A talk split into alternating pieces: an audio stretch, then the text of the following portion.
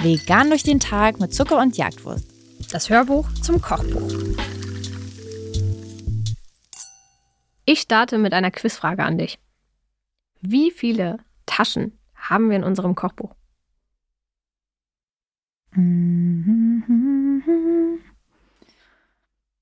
Drei. Fast. Wir haben vier Taschen in unserem Kochbuch. Wir haben ähm, Quarktaschen, Maultaschen, Kartoffeltaschen. Und jetzt kommen wir zur letzten Tasche des Kochbuchs, zur Pizzatasche. Und das Wollen ist dein Rezept. ähm, mal ein kulinarisches Format entwickeln? What's in your bag? Wollen wir nur Taschen machen? Ja, das finde ich in meinem Bag Tomatenpaste, Käse. Tolle Idee. Ähm, Ja, ähm, willkommen zum nächsten Copycat-Rezept. Ähm, wirklich ein Großteil dieses äh, Snack-Kapitels besteht aus Rezepten, die wir als Kinder vor allem oft gegessen haben. Definitiv halt in unserem Leben, als wir noch nicht vegan waren, die es nicht in vegan aktuell zumindest gibt und die wir deswegen selber gemacht haben. Ehrlich gesagt sind diese Rezepte aber immer ziemlich beliebt, auch auf dem Blog, weil ich glaube, wir sind eben nicht die Einzigen, die gern nochmal in dieser kulinarischen Erinnerung schwelgen möchten. Ich bin da natürlich oft für die herzhaften Copycat-Rezepte zuständig und so finden sich hier vegane Mini-Pizzataschen, die man eventuell früher Carazza nannte oder auch heute noch. Die gibt es auch heute noch ähm, und ich fand, ich erinnere mich daran, dass die wahnsinnig teuer waren. Äh, wir haben die super selten bekommen, aber irgendwie hatten die so was ganz Eigenes und ich, man isst die doch kalt, ne? Also hab ich, finde das gegessen, so keine Ahnung. seltsam eigentlich, was das überhaupt für ein Snack sein soll. Aber Mhm. ähm, ja, ich finde, das war ein super signifikanter Geschmack, der in meinem Kopf noch drin ist. Und es war auch eine Konsistenz dieses Brötchens, die mir richtig in Erinnerung geblieben ist. Manchmal verblasst ja sowas über die Zeit, Hm. dass man manchmal jetzt vegane Sachen macht und denkt, ja, das schmeckt so wie damals. Dann ist es jemand, der das noch kennt oder dem es irgendwie besser in Erinnerung ist und sagt, nee, nee, nee, das war ganz anders. Aber dann merkt man, man kann sich gar nicht mehr so ganz so genau erinnern, wie XY geschmeckt hat. Bei dem, ehrlich gesagt, finde ich schon und seltsamerweise finde ich, den hauptsächlichen Geschmack macht nicht die vegane Salami aus, macht nicht der vegane Käse aus, sondern liegt in der Tomatenpaste.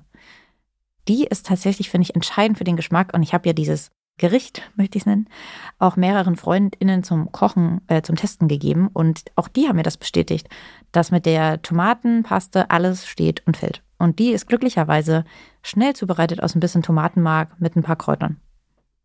That's it.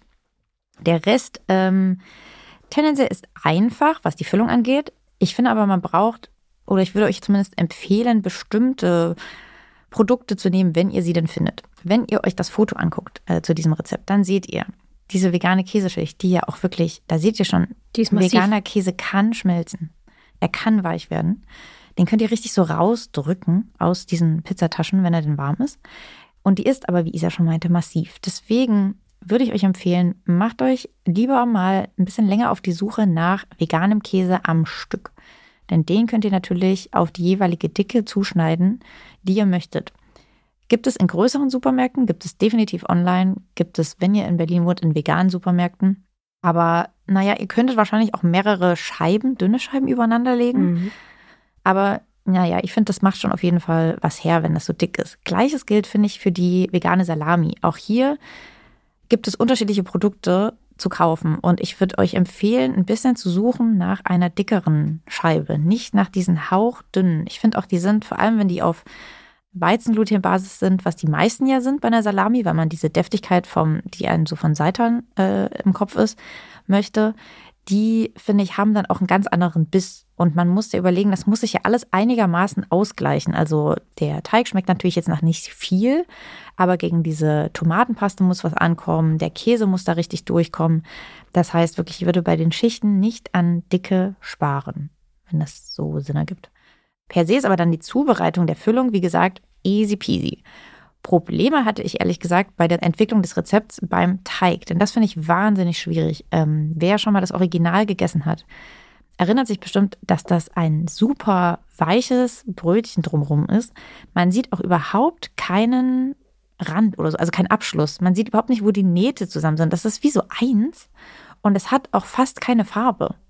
Das heißt, in der Zubereitung fand ich es wahnsinnig schwer. Wie soll das denn bitte funktionieren? Weil man möchte ja trotzdem, dass der Teig durch ist. Ich habe es im Ofen gemacht. Das fand ich wirklich ähm, gar nicht machbar, weil es super schwer zu kontrollieren ist. Am Ende war der Teig oft am Rand dann trotzdem mir viel zu, also der hat halt einfach eine Kruste bekommen, die sich auch natürlich dunkel gebräunt hat. Und wenn man jetzt schon am Original ein bisschen bleiben will, finde ich, war das nicht das, was ich möchte. Deswegen habe ich am Ende einfach alles in eine Pfanne gepackt. Und da fand ich, hat das besser funktioniert. Aber ehrlich gesagt, man kommt, man, ich weiß nicht, wie das gemacht wird bei denen. Das ist halt ein Industrieprodukt. Das ist wie ähm, Süßigkeiten, die perfekt überzogen werden. Nirgends ist irgendeine Stelle, wo irgendwas runtergetroffen hat. Das, ist halt, das sind die kleinen Kniffe der Industrie. Das ist richtig, richtig gemein. Ja. Ähm, ja, aber in der Pfanne, finde ich, wurde es noch am besten. Man kriegt, wenn ihr auch eben an das Original denkt, die haben eigentlich auch eine markante ähm, so Streifen an der Oberseite. Weil die wahrscheinlich halt auf irgendeinem, hm. auf irgendeinem Grillrost liegen und dann durch irgendeinen so super sanften Ofen geleitet werden, nehme ich mal an. Aber how should I know? Ähm, deswegen, wenn ihr vielleicht einen Kontaktgrill zum Beispiel habt zu Hause, so einen kleinen, äh, dann könntet ihr es auch daran machen. Dann habt ihr vielleicht sogar diese Rillen, die man kennt. Aber ich finde ehrlich gesagt in der Pfanne, ihr seht ja jetzt auch auf dem Foto, auf dem oberen sieht man auch, die werden auch da ein bisschen dunkler. Aber eben nicht so dunkel, ähm, dass es irgendwie im Ansatz auch nur knusprig werden sollte. Natürlich könnt ihr es aber auch ganz nach Geschmack sein, wenn euch das komplett egal ist oder sogar ihr das gern mögt, dann könnt ihr die natürlich auch in der Pfanne knuspriger braten im Endeffekt, wie gesagt, wenn man jetzt nicht sich starr daran halten möchte, dass das so sehr wie das Original ist, reden wir hier wirklich eben einfach von kleinen Pizzataschen, die ihr in der Pfanne zubereiten könnt. Und wenn euch das dann auch wirklich egal ist, dann könnt ihr auch in die Füllung machen, was ihr wollt. Also ich glaube, so ein bisschen Blattspinat zum Beispiel rein wäre eine coole Idee. Bisschen kleingeschnittene Artischocken da drin. Also alles, was ihr im Prinzip gern auf einer Pizza isst, könnt ihr ja auch in eine Pizzatasche packen. Ich habe mich in Vorbereitung auf dieses Hörbuch ähm, nochmal online belesen zu Karazan, weil ich das ja, ich habe das nie gegessen. Ich kenne das tatsächlich ähm, nur durch dich. Und online findet man dazu ähm, folgende zwei Sachen, die ich verwundernd finde. Und zwar fängt es schon an mit La Dolce Vita. Die Pizza to go ist ein fluffig weichen Brötchen im Mini-Format, schmeckt fast wie vom Italiener nebenan. Also ja, okay, es ist ein Fertigprodukt und so, aber zu sagen, dass das, was hier in so einer äh, Hosentaschenpizza verpackt in der Verpackung ähm, wahrscheinlich schon zwei Wochen im Supermarkt liegt, so schmeckt wie vom Italiener nebenan, finde ich schon eine krasse Behauptung. Aber ich finde es ein Geniestreich, das ist eine gute Idee, zu machen. Aber trotzdem würde ich das nie mit einer frischen Pizza vergleichen. Das finde ich schon krass. Und das Zweite, was geschrieben wird im Internet, ist saftiges Schweinefleisch, eine herzhafte Pizzasauce und würziger Käse verwöhnen die Geschmacksknospen. Umhüllt von einem leckeren Teigmantel füllt es den Magen wie eine vollständige Mahlzeit. Also das, also. Ja, je nachdem, wie viel du isst. Aber das ist doch auch keine vollständige Mahlzeit. Also ich das finde, ist aber schon ein überraschend deftiges Essen. Ja, glaube ich. Gerade auch, weil dieses Brötchen so satt macht, aber das Brötchen selbst ist ja total. Ja, dennoch finde ich diese zwei Formulierungen, dass es eine vollständige Mahlzeit ist und schmeckt wie vom Italiener nebenan, ist sehr positiv ausgedrückt.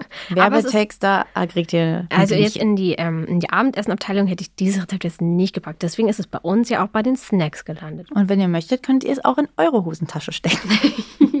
Einfach in ein bisschen Crepe einpacken und dann ab in die ähm, in die Jeans-Tasche. Aber ich muss rein. auch wirklich sagen, es funktioniert in dem Sinne tatsächlich, dass ähm, auch ich probiert habe, ja, wie die kalt schmecken. Mhm. Und kann man auf jeden Fall auch ja, machen, wenn man das halt auch. auch. so mochte. Aber Pizza kalt essen ist ja eh eine gute Idee. Es schmeckt nämlich fast wie beim Italiener um die Ecke. Absolut. Kleiner Scherz. Ähm, nun ja, also wie auch ihr es macht, ob ihr das jetzt sehr nah als Copycat-Rezept selbst zubereitet oder ob ihr euch einfach ein bisschen davon löst und das einfach als Mini-Pizzatasche seht, wie sie eben ist und variiert. Das könnt ihr euch alles machen. Es ist in jedem Fall wirklich ein sehr, sehr leckerer Snack. La Dolce Vita.